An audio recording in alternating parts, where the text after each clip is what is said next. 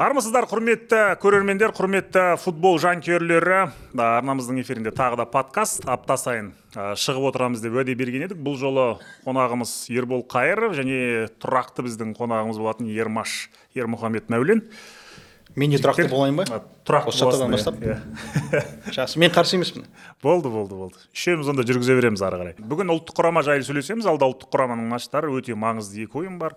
Жалпы футболдың айналасында біраз әңгіме айтайық. Ә, ермаш саған енді соңғы осы болған ә, сен айтқан пікірлерден кейін өткенде өзің каналыңда айттың осы каналда айттың.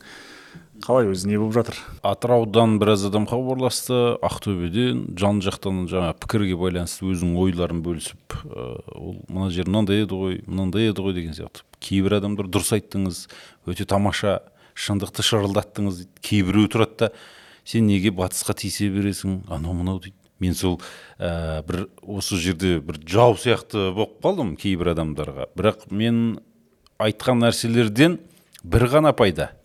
Ол ә, сол саланың дамуы сол салада болып жатқан нәрсені кәдімгі елдің алдына шығып тұрып ұялмай айту осыны жеткізу еді. Солай болды да біраз адам көп адам енді түсініп отыр. Бұл өте дұрыс шешім ақтөбе жайлы айтқанда тек қана бұл атын атап түсін түстеп айтқаның иә дұрыс сол енді, сол ғой дұрыс болмағаны сол болды. Өйткені мынау заңнамалық тұрғыда ә, кім қай күні ә, қай жылы және адамдардың аттары клубтардың аттары деген сияқты ә, топонимика және ономастикалық аттарды ақ пакетпен кіріп кетті иә мен ондайларды айтпауым керек екен. Иә ондай нәрселерді айтпауым керек. Яғни ә, маған біреу сотқа беретін болса жаңағы ә, сыртымыздан жаман айтты деген сияқты ә, сөзге қалмас үшін мен сондайларды айналып өтуім керек екен. Енді алдағы уақытта мен ә, осылай астарлап кішкене жан жағынан айналып өтуге тырысатын боламын. Жоқ видеолардың несі астындағы пікірлерді көрдім. Ыыы көбісі негізі мақұлдап.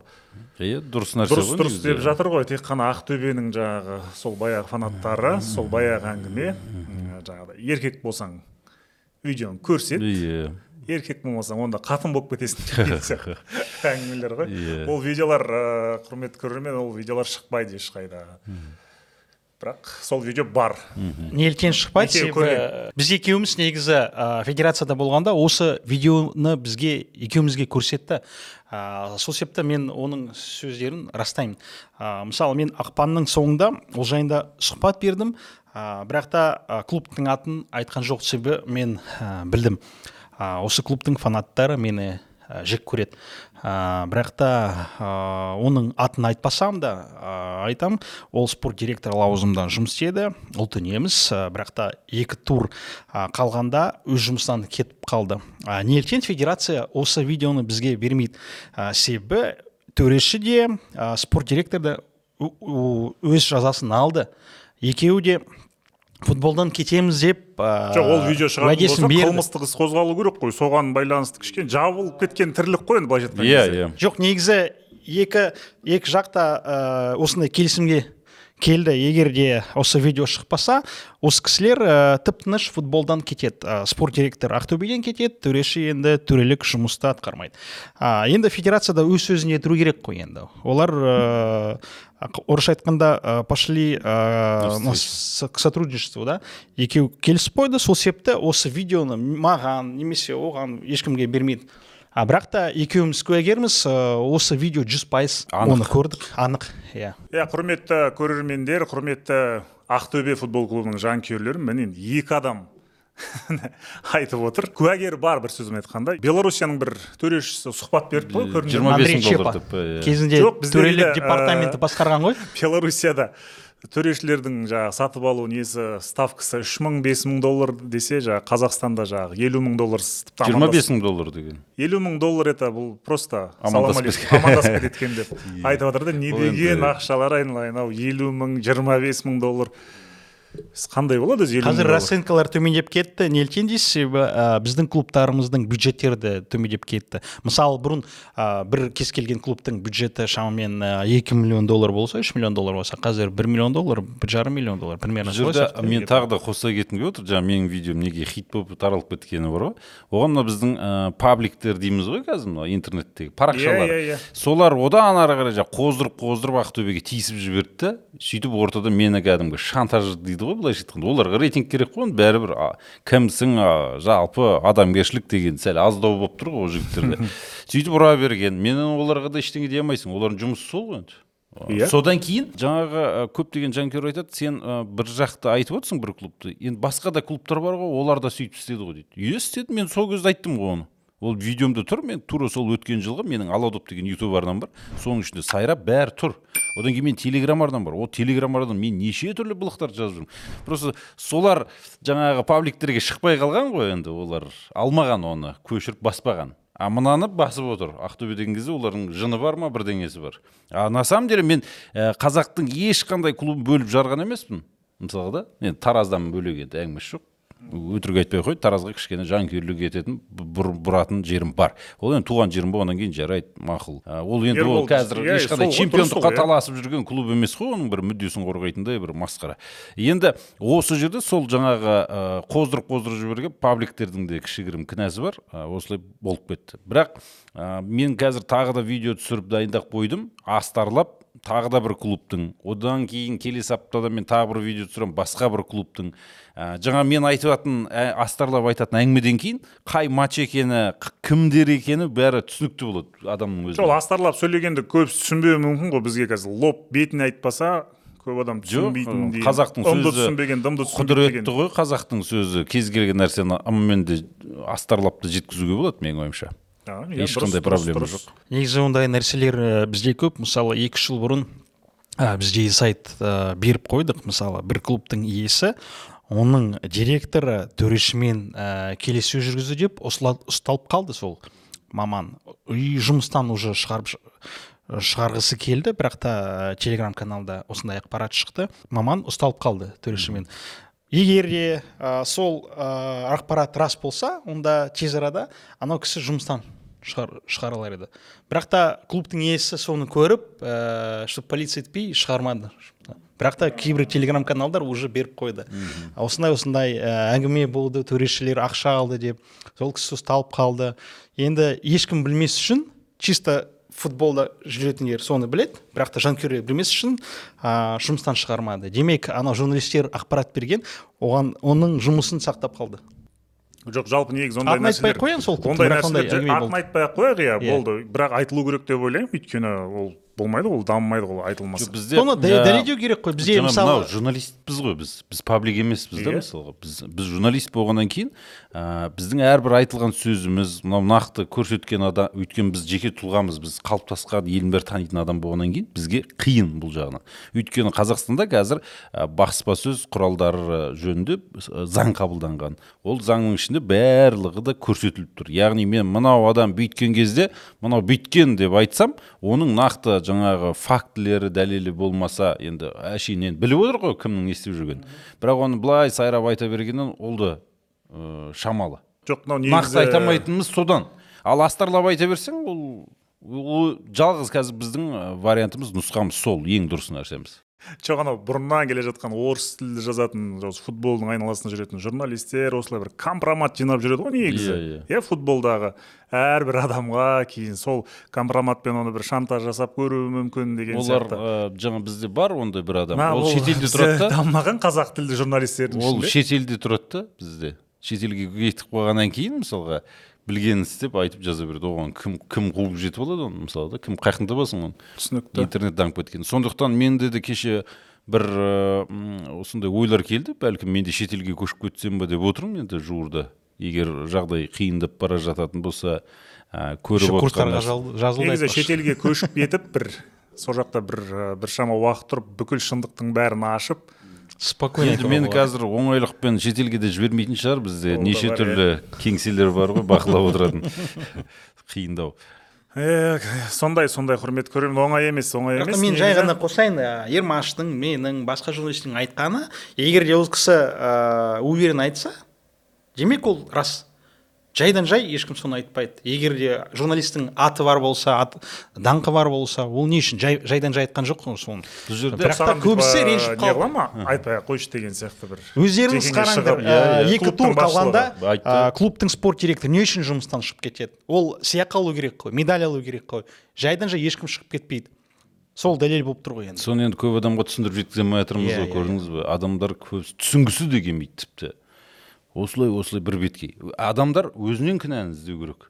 Бұдан кейін екіншіден ә, жаңағы фанаттар мәселесін айтып отырмын ғой. Былай басқа деңгейде алып қарайтын болсақ бұл менің жаңа айтқан видеомнан кейін ә, қазір үш төрт клубтың басшылығы жайлап жыбырлап жатыр әрекет қылып жатыр да осылай болса екен ермұхаметпен хабарласыңдар ол денсаулығыңызды сұрап қояды ғой иә иә қойсаңызшы бізбен жақсы қарым қатынастасыз ғой. Анау мынау деген сияқты сондай әңгімелер. Олар қазір қорқып отыр. Чемпионаттың соңы болайын деп отыр ғой ертең. Иә. Қыркүйекте біз алты ақ матч қалып отыр. Сол кезде осындай нәрсе болмас үшін біз оның бәрін біліп отыратынымызды біліп отыр олар астыртын жасаймын деген ештеңе ой жоқ.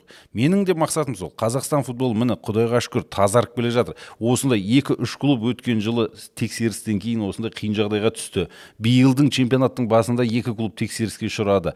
Осыдан кейін олар біртіндеп қорқып отыр. Енді қазір күзде келісіп алып бүйтеміз ана кісіге звондаймыз төрешіні алып келеміз пенальти береміз қызыл қағазбен қуып жібереміз деген әңгіме жоқ. Қазір ешкім шамасы жетпейді мысалы да. Қазір осы менің айтып отқан әңгімем оларға сигнал болу керек. Көрдіңіз бе? Тіпті мақұл ол чемпиондықтың мәселе шешіліп қойды ғой енді.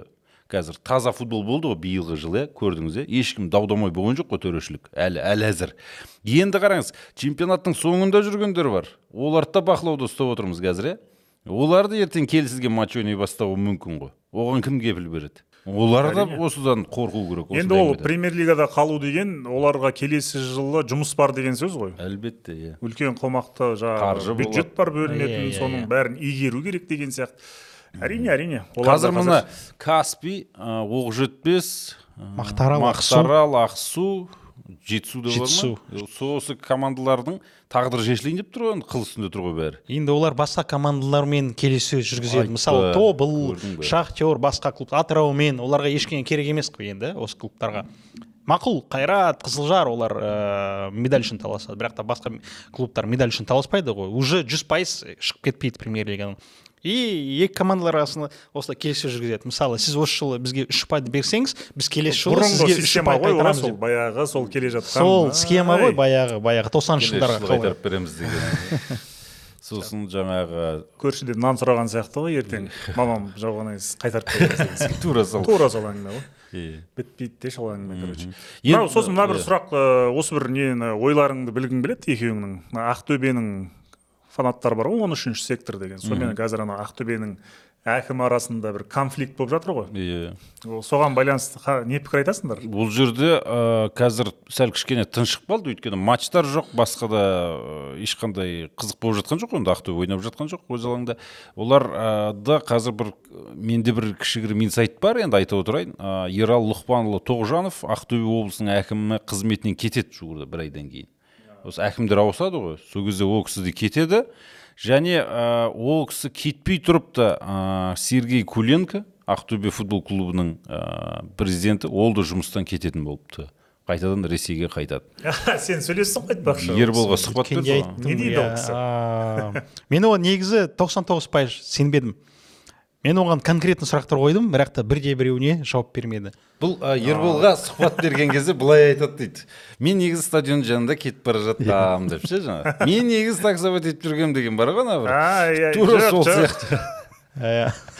бердің ба бердім дейсің ба? Жоқ ана росшаның жанында кетіп бара жатырмын деген әңгіме жоқ ана қызылордада птк деген арна бар ғой. Иә. мен негізі таксовать етіп жүргенмін деген Жоқ, сөйтсе жаңағы ол ғой ол. Иә. Прикол ғой.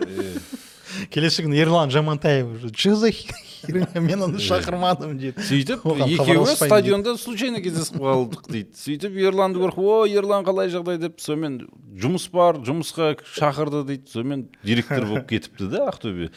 Әңгімесі осындай ә, қиял ертегіден келіп тұр ғой иә енді. базар мен ә, бұл жерде бердім деп тұр ғой. Иә содан бұл жерде ойлайтын ә, жаңағы б- айтатын бір нәрсе осындай сөздер айтып отырған осындай өтірік айтып отырған осындай өтірікпен ә, президент болып отырған адамды міне сондай адамдармен күресуіміз керек. Ресейден келген ақтөбеден ә, ақша жеп кету үшін ғана келіп отырған. Бірақ мақсаты бар осындай адамды клубтың президенті қылып қойып отыру бұл енді барып тұрған сорақылық. Сондықтан ақтөбенің әкімдігі ақтөбенің барлығы осы мынау клубқа жауап беретін басшылықта жүрген адамдардың бәрі жауап беру керек. Міне осындай адамдармен біз күресуіміз керек. Бұл қазақ футболына жалпылама келіп тұрған індет қасірет. Фанаттар өтіп кеткен жылғы дұрыс қой бұл жерде иә өткен жылғы болып кеткен бір оқиғаны қайталап отырға айтқаннан ештеңе өзгермейді. Біреу айтады да жаңағы ә, тек ақтөбе ғана төрешін сатып алған сияқты болып отыр ғой дейді. Бәрін айтып жатырмыз ғой осы жерде кімді бөліп жүрдім мен мысалы да? Астанада сатып алған кезінде оны да айттық қой кезінде. Иә. Ә, қайсарда да болған ол оқиға ол таразда да болған ол кезінде қайратта да болған кезінде қайрат боранбаевқа дейін. Ордабасы осыдан үш төрт жыл бұрын екі матчтың бірін сөйтіп жүрді мысалы да? Оның аудиосы тарап кетті ғой ютубта тұр ғой васильев пен бахтияр байсейітовтің Иә, келісіп иә, жатқан. оны білмеймін енді бір аспаннан түскен өмірінде бірінші рет ақтөбе төрешімен жұмыс істеген сияқты болып тұр да. Ол е оларды елу рет істеген мен саған айтайын. Бүкіл қазақстан клубы сонымен айналысып жүр ғой ол. Қазақстан футбол деген осындай сыртында неше түрлі нәрсе болып жатыр алаң сыртында шешіледі бізде көп нәрсе. Оны мен енді чемпион кабинеттерде шешіледі деген сөз бар ғой. мен қазір бір велосипед ойлап тауып бір фантастика нәрсе айтып отқан жоқпын ғой ол баяғыдан бар нәрсе ғой оның несін жасырамыз оны? Еще бізде ауруын ә, жасырған өледі айту керек қайта. туыстар көп мысалы. Бір клубтың ә, президенті әкесі бір клубтың президенті баласы. Мысалы қызылжар мен астана ойнағанда. Давид лориан давид лория бар ғой деп бақ- бақырды ғой сосын сол бүкіл ойыншылар маған стадион бүкіл стадион. бізге матчты беріңдер деп стадион көзі көзінше айқайлап иә, папасы ма үлкен айтып жатыр ма кішкентай ма? жоқ Кішкентай кішкентайы ана клубтағыларға айтып жатыр папасы басқаратын клубтағыларға да влияниясы Иә, болып тұр иә, ғой демек. Конечно енді баласы ғой. А қызылжар берілмеді. Е оны да бүкіл баспасөзге кезде жазғанбыз. Мә қызық қызық. Бұлай жалпы негізі кеше бір кісі комментарийден оқыдым. Дұрыс айтады. Мен лайк басып кеттім. Міне қазақстанда өзі айналдырған төрт бес ақ журналист бармыз ғой. Осы подкаст түсіріп ютубқа шығып денсаулығымызды құртып қаншама нәрсе жасап жүрміз ғой мысалы да. Сол төрт бес адам болмаса біз қазір болмасақ біз үндемей бүйтіп үйде телевизор көріп жата берсек мына білгенін істейді мен саған айтайын. Неше түрлі нәрсе болады. Қайта қаймығып отыр қаншама. Адам ұрлайды деші бұлар. Айтпа неше түрлі нәрсе істейді қарапайым нәрсе қазір мына төрешілікті барменқұлов президент болғалы бері қазір қойды ғой тазаланып қалды ғой. Анау жаңа келісіп алу открытый ойын жоқ уефа арқылы тексертіп жатыр. Өйткені уефа арқылы влияниясы бар да президенттің. Осыдан қорыққаннан кейін енді қазір адамдар қалай жұмыс істеп жатқанын айтайын. Кейбір жерлерде мен бір байқап жүрмін қазір зерттеп жүрмін да. Агенттер қазір іске кірісті. Мысалға ербол агент болса оның бес ойыншысы ордабасыда ойнайды. Оның тағы үш ойыншысы қайсарда ойнайды.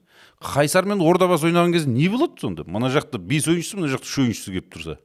Не болады ол ойын? Кімге ұпай керек? Мына кісі шешетін болып тұр ғой сонда.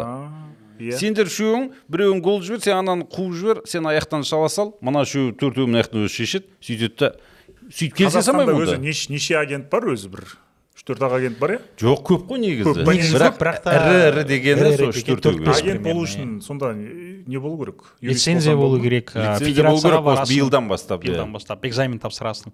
Ақшасын төлейсің сөйтіп бірнеше айдан кейін өз корочкаңды аласың. Ғой уефаға тапсырады екен Иә, бірінші. Бірақ федерацияның кеңсесінде. Иә, аха уефа арқылы ағылшын тілінде кәдімгі екі емтихан болады екен содан өтіп кетсең лицензия беріледі. Осы қазір тапсырып жатыр агенттер.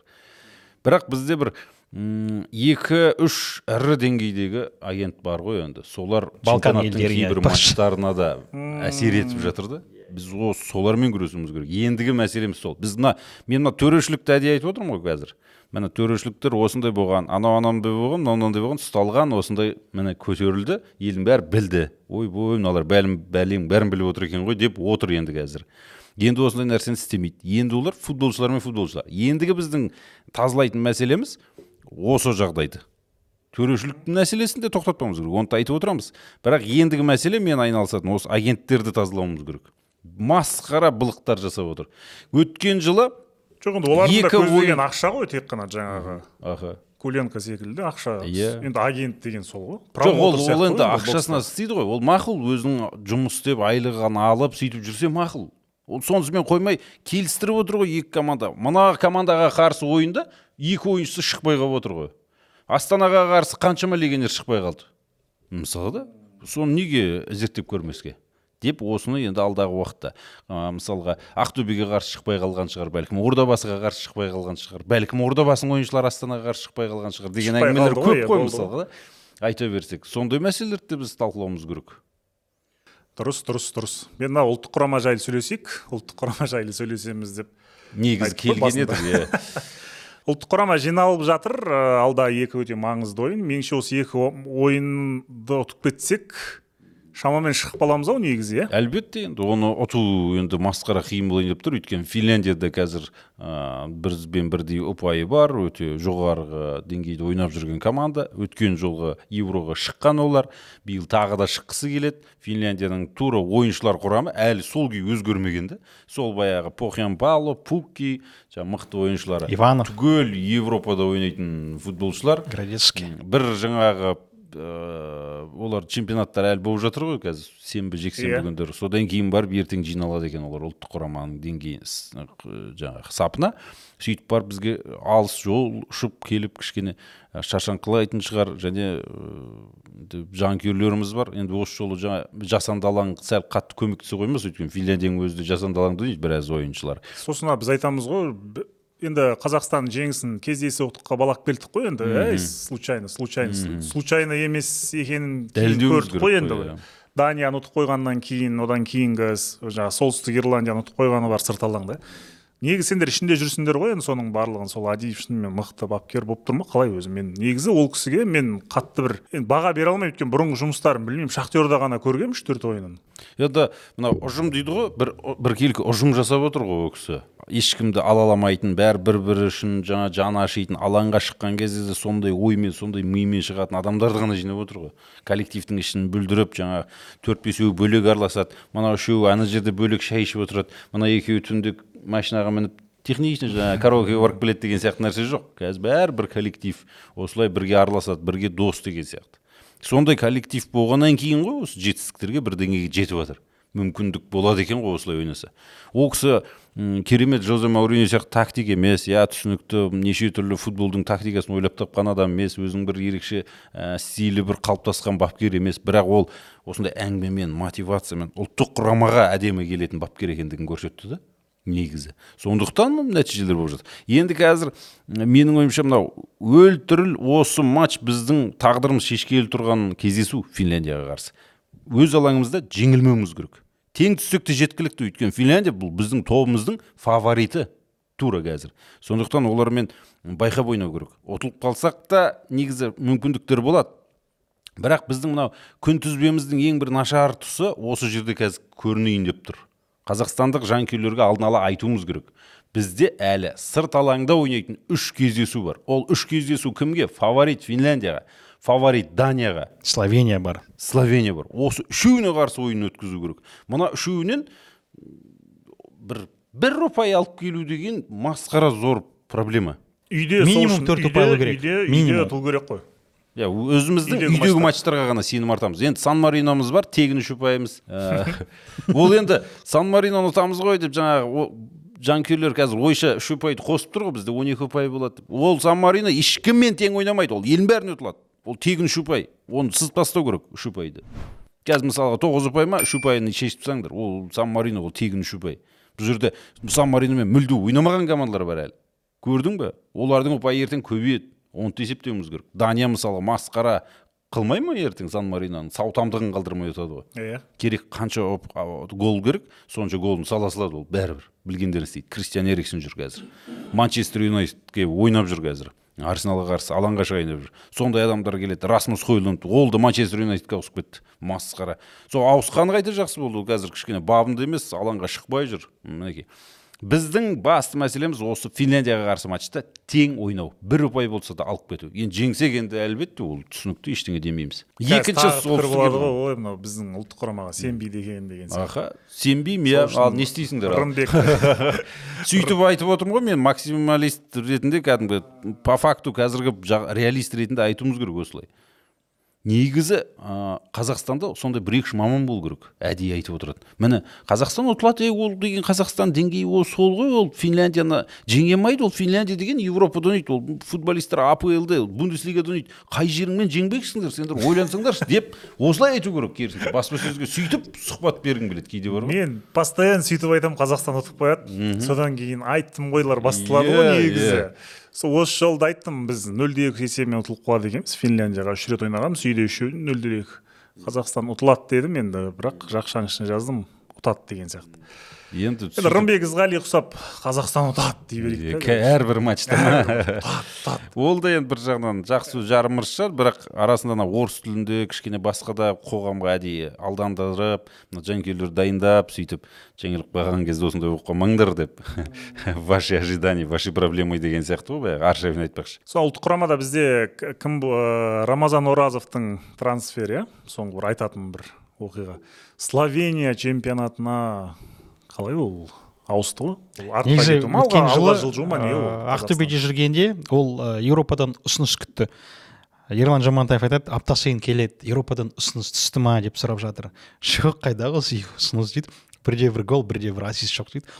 Чисто ұлттық құрамада ойнайды а клубта ойнамайды особо и осы жылы арман жетті. Енді словениядан бір жақсы бір ұсыныс түсті. Бірақ та тобыл оны ә, қателеспесем тегін жіберіп қойды а, контракттың ішінде осындай пункт бар егер еуропадан бір ұсыныс түссе ә, жіберу керек деп ә, сол себепті ол кетіп қалды. Ол негізі словенияны трамплин ретінде қарастырады. А, қателеспесем словениядан кейін польша бельгия нидерланд елдеріне ә, кетеді. Словениядан кейін бундеслигаға апл кету қиын болады.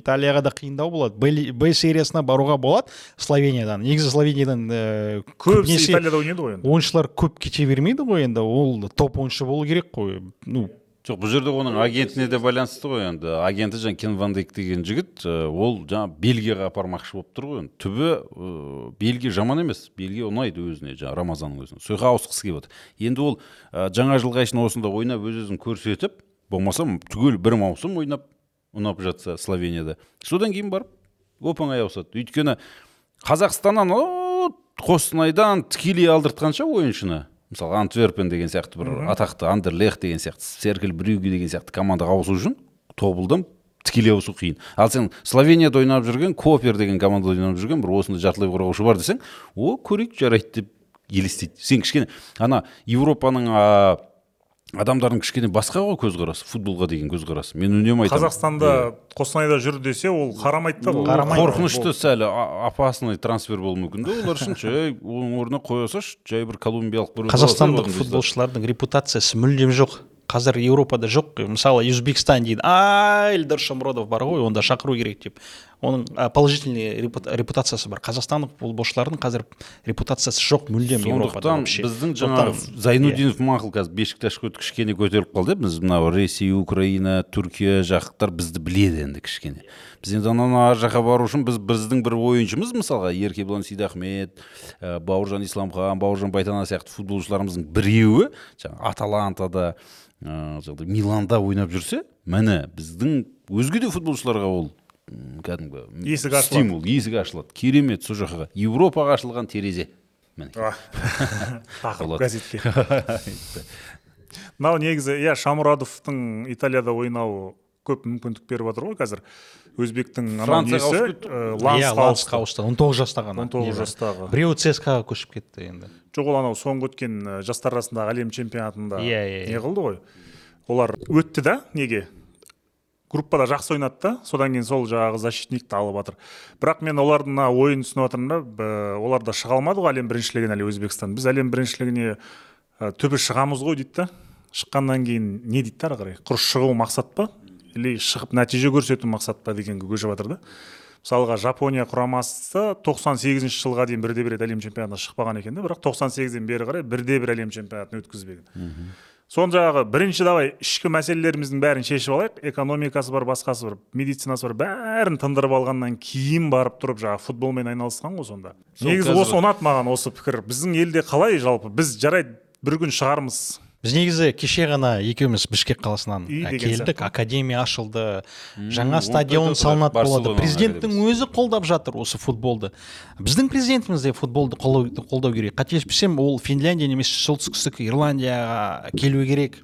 Соны көрсе ә, егер де қазақстан құрамасы жеңсе мүмкін ә, футболды жақсы қатты жақсы көрсе жақын арада стадиондар салынады деп осындай үміт бар менде. Жоқ ол кімнің президенті қырғызстанның меніңше ол бұрын барселонаның қатты фанаты болған сияқты ғой. Солар сияқты, әкеңдер иә. көрейік мына пуельді ұстап көрейік деген сияқты. Өйткені ә, жалалабадтағы жаңа академияның жерін құрылысын түгел қырғызстан билігі істеген екен. Ал ә, барселона өзі тек курировать етіп жаңағы тегін ақшаға әшейін Иә, келіп иә. жұмыс істейді жаңағы консультировать етеді.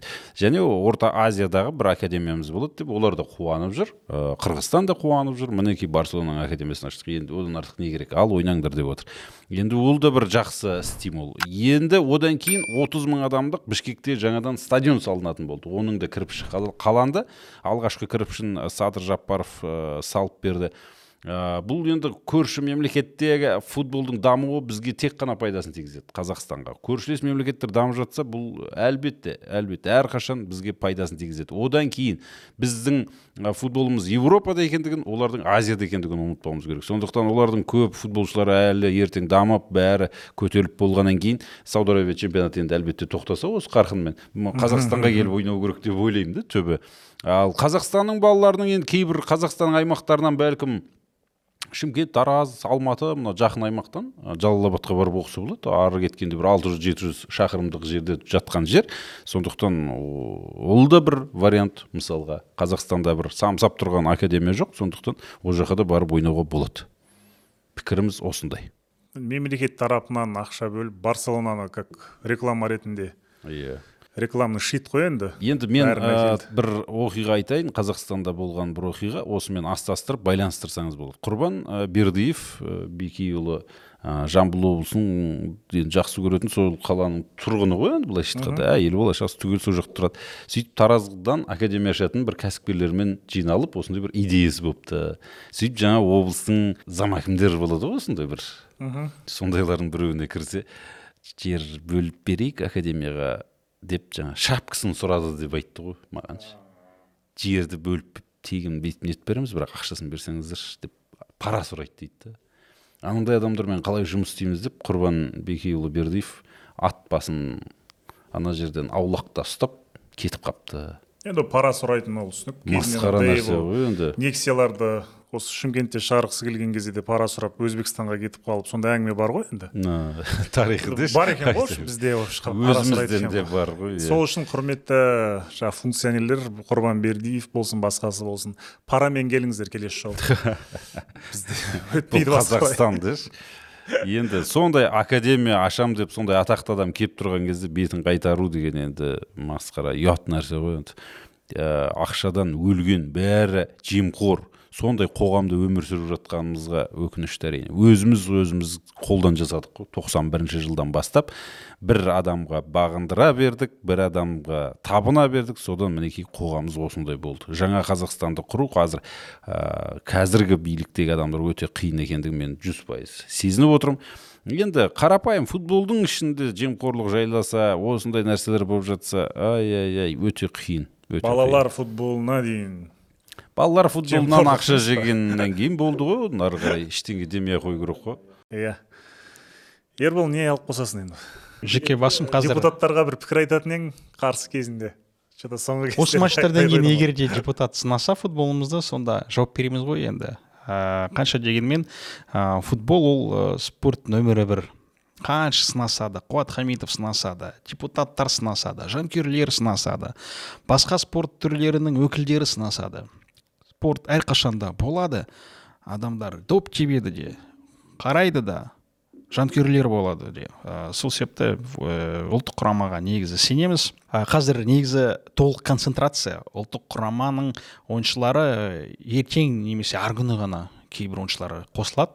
Ол басты үлкен проблема ә, бапкерлік штабқа үшін. Мысалы ә, жеке басым өзім бір екі ойыншыны сұрадым. Подкастқа бірақ та қазір ә, мүмкіндік жоқ дейді. Полностью толық концентрация ойыншыларды подкастқа бермейміз. Онан кейін мақұл береміз дейді э, екі матчтан кейін. негізі ұлттық құрама Мысалы, бұрын ойыншылары олай болмайтын. бермейді ғой негізі? Көп. Иә көп сұхбат жүрмейді енді, расын айтқанда. Арасында ғана мына өткен жылы ұлттар лигасында жеңіп жатқан кезде шықты біраз жігіттер. Таңшолпан жаңағы бағдарламалар Иә, болады иә, ғой иә. сондай бағдарламаларға апарып бірсыпыра кіргізіп шығарып қайтқанбыз онда тұрғанда ештеңе жоқ. Э, енді мына подкасттарға да шықты ютубтағы біраз. Э, қазір мынау қазақстан футбол федерациясының өзінің подкасты бар. Өзінің подкасты. Иә футбол туралы. иә. Ол да бір дұрыс дүние. Ұлттық құрамаға сосын кеше ислам чесноков келді. Иә а айтпақшы иә жаңалық осы. Ислам чесноков сол жаңа жарақат алып қалғаны сәл қалай екен деп отырмын енді айығып керек үлгерді ғой айдай шықты болды, бір айдай тобыл матчында иә президентке заменаға шықты екінші таймда жақсы жақсы ол Иә. негізі күшті не болды ол ойнамайтын сияқты меніңше негізі бірден алаңға шығармайды қазан айында немесе қарашада шығуы мүмкін ол мен жүз пайыз финляндияға қарсы шықпайды ол менің ойымша. даже заменаға шықпайды ол мынау солтүстік ирландияға қарсы шығаруға болады. Өйткені ол жылдам ғой. Ол өйткені дриблингі бар қапталдан кіреді. Ана солтүстік ирландия жаңағындай баспен ойнайтын жаңағындай стандартпен ойнайтын сондай команда ғой. Сондай командаға қарсы шығаруға болады оны негізі менің Иә. ойымша. Ислам чесноков Иә. бір жиырма минут отыз минутқа екінші таймда алаңға кіргізуге болады. Сонда біз қазір финляндия финляндия деп ы, соны ұтылмау керекпіз хотя бы деп әңгіме айтып жатыр сонда біз солтүстік ирландияны оп оңай ұтып кететіндей. қоя салшы қиын болады Солтүстік. Ирландияны жүріп өтетіндей матчқа қой, екеуміз барғанда ә, таң қалдырмады бізді. Алаң иелері. Жоқ Бірде солтүстік бір момент қазір нашар ғой олар өздері мойындап отыр. Оларда қазір буын алмасу процесі бар жаңадан талант футболшылар иә, шықпай қалып отыр. Жаңағы клубтарда нашар болып тұр Эванс Сол- қана болып тұр. Эванс жалпы иә эмюмен кесе келісім шартқа отырды оның жасы отыз алтыда ма сондай ғой негізі? Олар еще не қылады екен ғой солтүстік ирландия азаматтығын ауыстырып ирландияның атынан ойнайды екен Иә, ғой иә, көбісі. енді мықты болып жатқанның барлығы. Жоқ бұл жерде бір қарапайым түсінетін нәрсе солтүстік ирландия деген қалай айтсам енді мемлекет ондай жоқ деп айтсам қазір енді дұрыс емес болады иә. Ол мемлекет бар по факту три факту. Бірақ ол ә, ирландияда негізі. Негізі. Иә. Олардың жаңа бір екі облысы айтқан ғой біз мынау ұлыбританиямен бірге бола береміз. Біз бөлек мемлекет болмаймыз тәуелсіздік сендер ирландия ала беріңдер. Бізде олар да ирландиялықтар бірақ бұлар жаңағы ұлыбритания біз лондонға бағынғанымыз дұрыс. Өйткені лондоннан бағынсаң сен көбірек пенсия аласың көбірек ә, жаңағындай соц ә, жаңа әлеуметтік пакет. пакет. Сондайға ие боласың. Жақсы. Ұлыбритания азаматы боласың. Жоқ біз енді оларды сенімді түрде ұтамыз ғой ертең.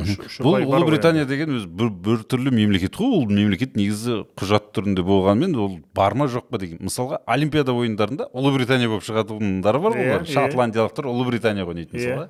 Энди Ә, Мари. энди мари ұлыбританияның атынан шығады. Оны адамдар түсінбейді ғой. Ұлыбритания деген англия екен деп ойлайды. А на самом деле ол англияда деген емес. Ирландиялықтар да бар кейбіреулер бар. Бірақ кейбір ирландияның адамдары ә, жаңағы ұлыбританияның атынан шықса олар жаман сынап мінеп тастайды. Ұлтын сатқан опасыз деп қазір. Кезінде олар енді қысым көрді қырған бізді иә ғой енді. Мынау кәдімгі республика ирландия ол бөлек кәдімгі. Олар жаңағы боксшылар бар макгрегорлар. Бар деген сияқты сондайлары бар. Ал ә, солтүстік ирландияның адамдары олар жаңағы таза ұлыбританияның ішіндегі бір облыс қой былайша автономия. Енді сендер қазір командамен енді жиналып жатыр жолықтыңдар ма көрдіңдер ма? Жоқ мен жолыққан жоқпын мен көрмедім Енді көресіңдер. құраманы. Мен видеосынан көрдім кеше а, жігіттер әлі толық келмеген ұлттық құрама. Иә иә. Ол үлкен проблема негізі. Сол себепті анау магомед ұлттық құрамадағы не бар ғой? Жаңағы мұхит қандай қазір? Меніңше ана асхат ә, тағыберген капитан тыңдайтын сияқты бәрі. Иә, тыңдайды. сол бүйтіп ватсапта бір аға буын өкілі группада айтатын сияқты ей ұйықтаңдар деген сияқты ше. сөйтіп жаңағы қой жатайық дейтін сияқты бәрі ше. Қазір режим бар сияқты да. служба безопасности дейді ғой қазір ондай да бар ғой. Бұрын ондай ұлттық құрамада болмаған ғой қазір. Қазір бәрін қадағалап кім түнде шықпау керек бәрін қонақ үйде жоқ болды. Он бұрын тоғызда болмады станимир алып келді сол кісі. Иә сондай бұрын енді мен көп байқамайтынмын енді. Қазір соған мен өзім жеке көргенмін түнде анау техничный кіріп бара жатады да Иә. рейдисында жататын еді ғой. Иә. Сөйтіп ойлаймын мыналар үш болып жатыр сағат келіп жатыр? қалай арғы күні ойнайды уже деймін да. Бірақ Иә, енді ол кезде үндемейсің ғой енді қоя саласың мысалы кейбір бапкерлер ұлттық құрама- құраманың бұрынғы бапкерлері анархияға жол берген екен. А, мысалы таңертең тренировка бар сол сөйтіп ойыншыларды жібереді қалаға. Талғарда жұмыс жату өткізеді сосын қалаға барыңдар дейді кешке дейін уақыт береді екен. Сөйтіп жігіттер қыдырады екен ұлттық құраманың ойыншылары. Кейбіреулері тығылып бар ондай өзім де көрдім бірақ та қазір, каждый бір бір иә қазір жағдай басқаша. Қазір раздевалкада бар ұлттық құраманың кейбір ойыншылары мысалы станимир э, бородюк э, секілді бапкерлерге бармайтын жарақат алдым деп э, бармайтын себебі сыйақы болған жоқ. Қазір сыйақы бар. Қазір атмосфера да бар. бар ғой? Иә қазір мақсат та бар. Қазір ұлттық құрамаға шақыртылғанына да Иә. аз маз қаржы беретін жағдайға жетті. Ол енді демеушілердің өзім бір екі рет көрдім. Таңертеңгі тренировка бүкіл толық құрам келеді. А кешкі тренировкада уже екі күн жоқ жоқ бұрындары ма ол иә иә бұрындары он сегізде он жетіде. Мына аяғым ауырып жатыр басым ауырып жатыр деп сөйтіп құрамадан кетіп қалды солай ол кезде енді ақша бермеген Иә, иә, ойнағысы келмейтін болған ғой. Иә ондай ондай жағдай иә. болды. Қазір мен бәрі жігіттерді басқаша түсінемін олардың отбасылары бар демал демалу керек чемпионат қиын негізі постоянно ұшақта выезд выезд деп ә, біздің ел- еліміз үлкен ғой енді ұлттық құрамада ойнап Иә. аяғын сындырған адам бар ғой мысалы А, иә, иә, иә. балта шапқан адамдар Иә, иә. сол оларды негізі түсінемін.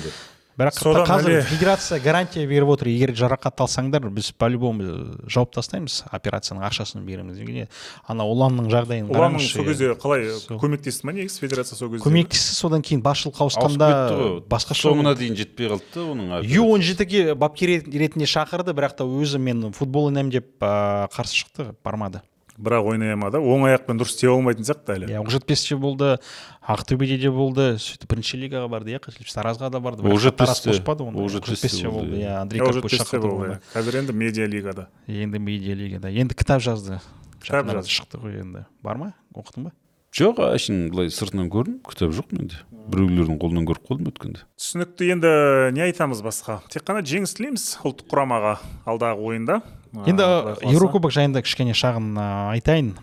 Астана шықты иә. айтпақшы айтайық кішкене. Иә иә. Ол негізі ұлттық құрамаға бір жағынан жақсы бір жағынан ә, жаман неліктен себебі ойыншылар шаршап қалады қазір. Ұлттық құраманың ойындары. Сосын чемпионат қайтадан конференция лигасы екі матч. Сосын қайтадан ұлттық құраманың ойындары. Сөйтіп ә, календарь тығыз болып қалды енді. Жоқ негізі анау бабаян бабаян кеше ұлттық құраманың ойыншыларын шығармайды ма? Бір несі бар ғой де негізі? Абат айымбетов үш минутқа шығарды соңында. Иә григорий бабаян көп қап қатты шығарып жүрген де жоқ көп. Шығар абзал бейсебеков қана ойнады ұлттық құрамада. Сондықтан бәрі бәрі бәрі неде сосын жаңағы сол ойынды жүргізіп жатып айтамын да «Ей, шығарсайшы күйіп кетті ғой ана жерде. тоқсаныншы минутта бастады ғой ауыстыруды. Тамасов уже құлап кәдімгі носилкамен кететін жағдайға жетті ғой. Ауыстырмайды да. Тілі салақтап кеткен А, десек и Ма- марин тамасов анау сүргөжек аттың соңғы шабысы деген әңгімесі бар ғой мағауиннің тура сол болды. Ғой айттым осы ойында тамасов егер қазір астананы шығарып берсе шапан жауып шығарып салатындай осы бір ойын міне ең маңызды маусымда. Сол шынымен сол гол салды. Сүйреді кәдімгі астананы шығарды. Иә ол айтты негізі туған күніне гол соғады деп. Өткенде дембо дарбу сияқты ол да лудогорскке иә мен матчтың алдында айтқанмын Иә. иә, Иә, мен ұшақта уже айттым ол астана жүз пайыз гол соқты деп сенбейді мынау связь жоқ қой. Сосын ұшақтан түсеміз де шығамыз. Жоқ партизани деген қатты мықты емес екен негізі. Иә ортанқол команда ортан ғой шахтер сияқты ана деген жүр Иә, ғой иә, кезінде шахтерға керек болмай қалған ойыншылар ана жақта астана болса просто астана сәл әлсіздеу. Енді то астана тобына виктория плзе мен динамо загреб қайта түсті. Енді жаман. ұят болды олар. Ұят болды ұят болды. Ұят болайын деп тұр. Ұят болайын деп тұр. Иә негізі виктория тмд елдерінің қаншама клубтарын айырып тастады ғой енді. Ә, қарабақты шерифті тобылды астон вилла түссе екен деп едім негізі астон вилла түссе. Оларға ұтылсаң да кішкене ұят емес та ағылшын премьер лигасында негізі динамо загребқа ұтылу ол да ұят емес меніңше. Ондай жоқ енді ұят емес бірақ енді сен бес те нөл болып ұтыла берсең ұят қой енді ол. Иә. Кім болса да. Иә бірақ та григорий бабай енді енді өзі оқушы ғой енді. Жоқ бабаян ол неге ол басқаша ойнайтын сияқты Ма- енді бабаян ешкім бас бапкер ғой оған ешкім бір нұсқау бере алмайды ғой оны өзі біледі иә барлығын бірақ неге мынау очевидный нәрселер бар ғой деймін да көзге көрініп тұрған оны негізі консультант керек сендер сұрақ қойдыңдар мысалы ғой кейбір клубтарда тәжірибелі консультанттар болды ғой енді оған әртүрлі керек жауап бере береді ғой бапкер деген мен өзім іштей білемін қазір мынау мынандай болып тұр мынау сондай болып тұр деп айта береді менің бір қойған сұрағым сол қазақстан ұлттық құрамасында гол ұрып жүрген биылғы маусымды керемет өткізіп жүрген астана сапында динамо тбилисиге чемпиондар лигасында бірінші голды соққан ойыншыны сексен екінші минутта алаңға шығарудың қандай логикалық қисыны бар деп мен сұрақ қойғанмын кішкене анау а- ана футболшының да бір ішкі эгосына тиетін сияқты ша мына мазақ қылып жоқ енді өзің ойлашы гол ұрып жүрсің абат айымбетов та соны сексен екінші минутта алаңға шығарады қандай мақсат мүдде болды ол? кеше 90 сегіз минутта не істейді ол шабуылшы анау Кеше магомед адиев сияқты шығарды 92 ғой матчтың минутта соңында шығарды. типа солай гол ұрады деп ойлаған енді ғой. ол кеше тоқсан екінші минутта ол ойнамады деген сөз ғой ол шабуылшыға ол ойнамағанды деген сөз. Ол әшейін мынау уақыт созу үшін тактический замена дейді ғой андай. Сол тоқсан екінші минутта адам деген немен қай бетімен шығады футболға. құрбысқа тиеліп түсінікті. Бірақ енді астананың өткені қуаныш жаңалық ол. Өте берсін Әрине, ертең барып ойнасын динамо ұтылса ұтыла берсін онда тұрған не бар? Динамо загреб деңгейі жоғары оның басын кесіп алсаң да елдің бәрі біледі. Ұтыласың енді әңгіме жоқ. Өз алаңда бәлкім бірдеңе қылып қатты ойнап кетіп жанкүйерлер қолдап өз алаңда тең ойнап сөйтіп ұпай жинап бірдеңе жасау. Ғой күн суық кезде. өзінің деңгейін біледі астанада. Динамо загреб те өзінің деңгейін біледі. Бәріміз біліп отырмыз. Енді амал жоқ ойнау керек. Ке- керісінше матчтар ойнайды еуропаға барады ол жақты көреді ә, әдемі м, жаңағы жасыл алаңдарды көреді.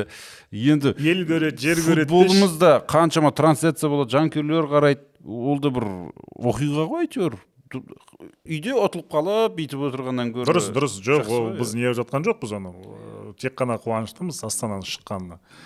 Керемет ары қарай көктемге өтіп кетсін обал плей болды сәл жетпей қалды. Мықты қарсылас түсті. Амал жоқ енді ол да ұтылуға тура келді. астанада енді қазір трансфер жасай алмайды ғой да? Жасай Иә, алмайды. Иә. Иә, иә. қосамайды осы бары мен базар иә? Иә, Иә. дембо дарбоға енді ана қосалқы құрамда отырған станислав басманов прокопенко мына нұрали жақсылық деген бір балалар бар. Соларды ойнату керек менің ойымша динамо загребке қарсы. Әсіресе егер шанс болмағанда мысалы үш төрт турдан кейін шанс болмайды ғой мысалы. Иә. мысалды айтамын сонда бесінші алтыншы турларда мынау жақсылық осындай ойыншылар киргетов сияқты ойыншыларды шығару керек енді.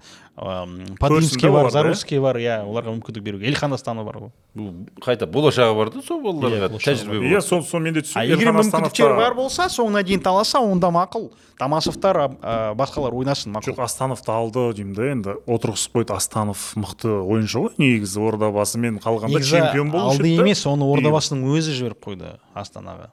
Барсаң бара бер дедің ба не қылды сонда? Қалай Иә, жіберіп қойды кішкене э, ойын жүрмеді ғой ордабасыда маусымның басында. Тем более жарақатпен түркияға келді. Қол ауырды ғой. Екі үш апта ол басқа тренировка жасады и сөйтіп э, осылай кірмей кірмей қалды. Ә, ордабасы жаңа ойыншылар да алды ә, пас алмасу ондай кішкене проблема болды. Сол себепті оны ордабасы астанаға жіберіп қойды. Иә онда рахмет жігіттер. Осы жерден доғарайық. Біраз нәрсе айтылды алдағы уақытта. Айтылатын әңгіме көп қой құдай қаласа. Жолығамыз әлі. Иә ұлттық құраманың матчтарынан кейін жолығамыз ғой. Иә рахмет.